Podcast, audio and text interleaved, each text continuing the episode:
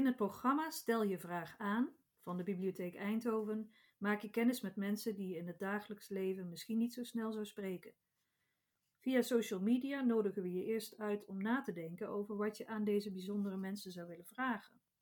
We kiezen vijf vragen, die we vervolgens in een podcast stellen aan die persoon. Misschien dat je na het beluisteren van de podcasts anders over hem of haar gaat denken dan daarvoor. Welkom. Ik uh, begin meteen met de eerste vraag aan jou. Op welke leeftijd werd je je bewust van het feit dat je lichaam niet overeenkwam met hoe je jezelf voelde? En hoe kwam je daarachter?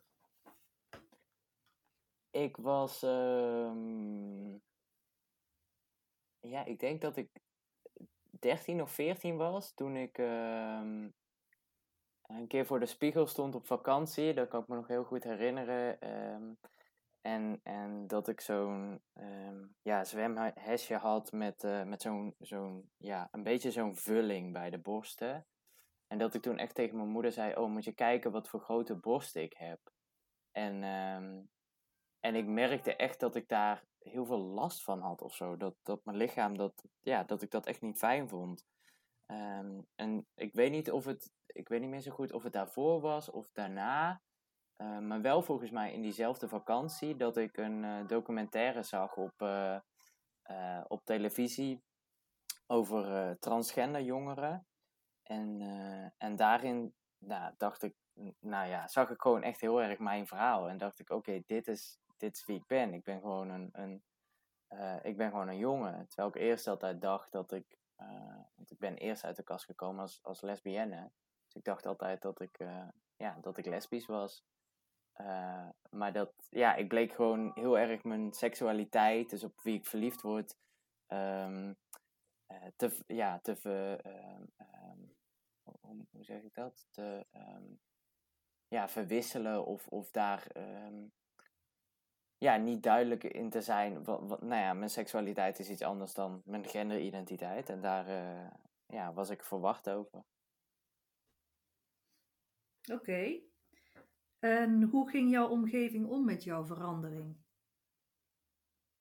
Um, mijn ouders die zijn er altijd super goed mee omgegaan. Die hebben altijd gezegd uh, wie je ook bent, wat je ook bent. Uh, wij blijven van je houden en we zullen je altijd steunen. En, en mijn broertje daarin ook. Die was echt. Um, nou, die was de eerste die, die me bij mijn nieuwe naam noemde. En die, um, ja, die altijd als ik dan een dag gepest was op school, uh, als ik dan thuis kwam, dat hij zei: uh, Goedemiddag meneer, hoe is het met jou? En dat maakte mijn dag gewoon altijd heel goed. En hij was ook de eerste die hij zei. En um, ja, die, die, die die switch heel makkelijk had gemaakt.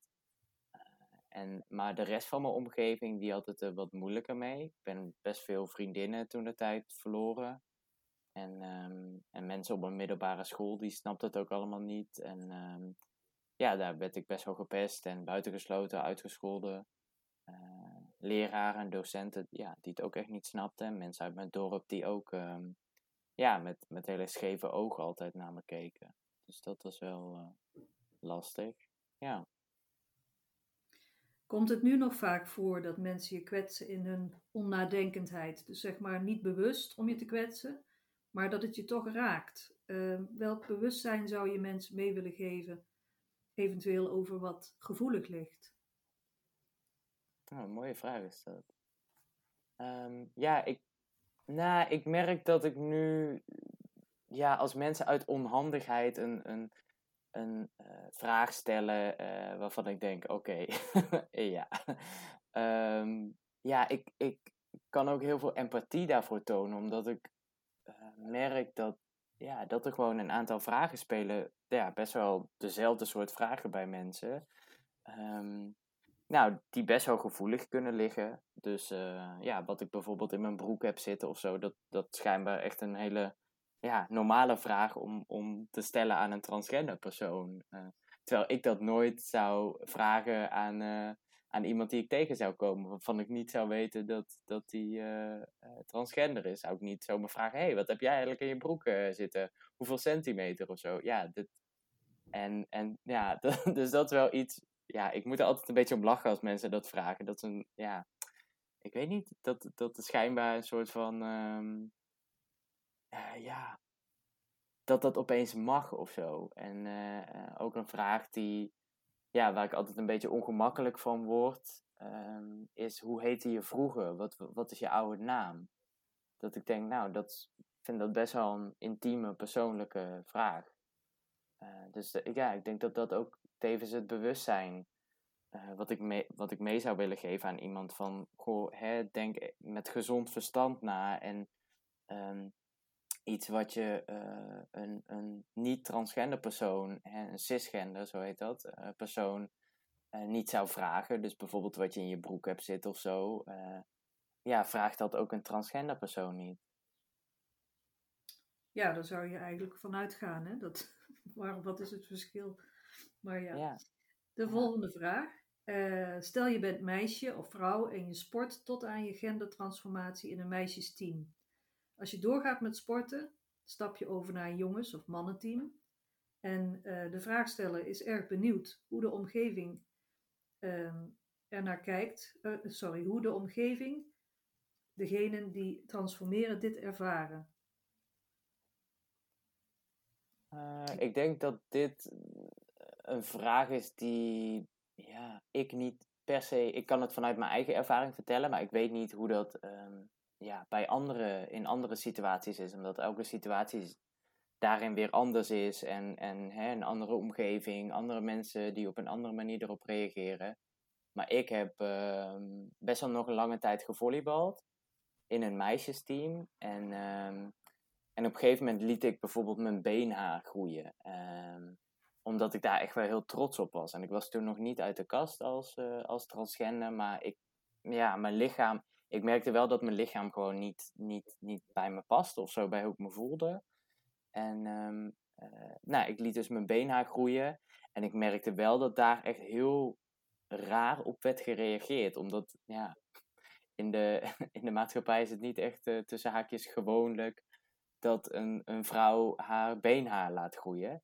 Uh, maar ik was daar echt heel trots op. En ik had ook flink wat beenhaar zonder mannelijke hormonen toen. Ja, dus dat. En ik ben toen uiteindelijk wel echt uit eh, dat team gestapt, omdat de reacties gewoon niet meer fijn waren. En ik echt een soort. Ja, een beetje was weggepest daar. waar we eerst altijd met z'n allen gezamenlijk douchten. gebeurde dat uiteindelijk niet meer. En was ik de enige die in mijn eentje aan het douchen was, omdat niemand meer durfde te douchen met mij. Um, dus dat, ja, ik, ik weet niet zo goed hoe, um, hoe een omgeving daarop zou reageren, omdat het, ja, ik kan daarin alleen vanuit mijn eigen ervaring spreken. Uh, en ja, niet, niet voor anderen. Ja, duidelijk. En nu sport je het nog? Of? Uh, ja, ik sport. Um, maar ik doe voornamelijk, uh, nou zeker momenteel, um, ik, heb ik heb in de coronatijd mijn, mijn sportabonnement opgezegd. Ik dacht, ja, sportscholen zijn toch dicht. Dus nu ben ik voornamelijk uh, zelf aan het hardlopen en, uh, en workouts aan het doen vanuit huis. Ja, ja nou, daar ben je niet de enige in, denk ik. nee. Dan zijn we al bij de laatste vraag aangekomen. Dat is een mooie. Wat is je grootste droom voor de toekomst? Oh, heel mooi. Ja. Um, nou, mijn allergrootste droom, en dat is. Um, uh, ja, toen ik echt twaalf was, denk ik, dus ver nog voordat ik met mijn hele uh, genderidentiteit, seksualiteit um, en die onderwerpen bezig was, uh, zag ik op televisie een andere documentaire en die ging, ja, volgens mij was het een, een soortgelijke documentaire aan Paris is Burning. Het ging over de New Yorkse uh, drag scene en hoe die is opgericht. En daar zag ik zo'n huizen waar homoseksuele jongeren die uit huis waren geplaatst, werden opgevangen. En toen dacht ik echt, wauw, dit wil ik later uh, oprichten in Nederland. Een soort van mega grote boerderij, landhuis, waar jongeren die, of kinderen die uit huis worden gezet vanwege hun seksualiteit of hun genderidentiteit, ehm, of, of ja, vanwege wie ze zijn, dat ik die daar op kan vangen en echt een thuis kan bieden. Ja, een, een thuis wat ze nooit hebben gekend. Om, om de jongeren een thuis te bieden. Ik denk dat dat echt wel mijn allergrootste droom is voor de toekomst, om dat te bewerkstelligen. Ja. Nou, wauw, wat een ontzettend mooi streven. Niet huisje, boompje, beestje, maar iets, ja, prachtig, heel mooi. Ja. We zijn gekomen aan het einde van Stel je vraag aan, in dit geval aan een transgender persoon. En ik wil je heel erg bedanken voor je bijdrage en ik vond het een heel mooi interview. Ja, dankjewel. Ik uh, vond het ook hele mooie vragen. Dus dat, ja, totaal niet, niet de standaard vragen die, die ik gewend ben. Dus dat vind ik heel bijzonder ook. Ja. ja, daar was ik inderdaad ook blij mee. Dat, en er waren heel veel vragen. En ik denk, nou, deze heb je misschien inderdaad nog niet gehoord. Ja. Oké, dan ga ik afsluiten. En nogmaals heel erg bedankt. En nog een fijne dag. Dankjewel.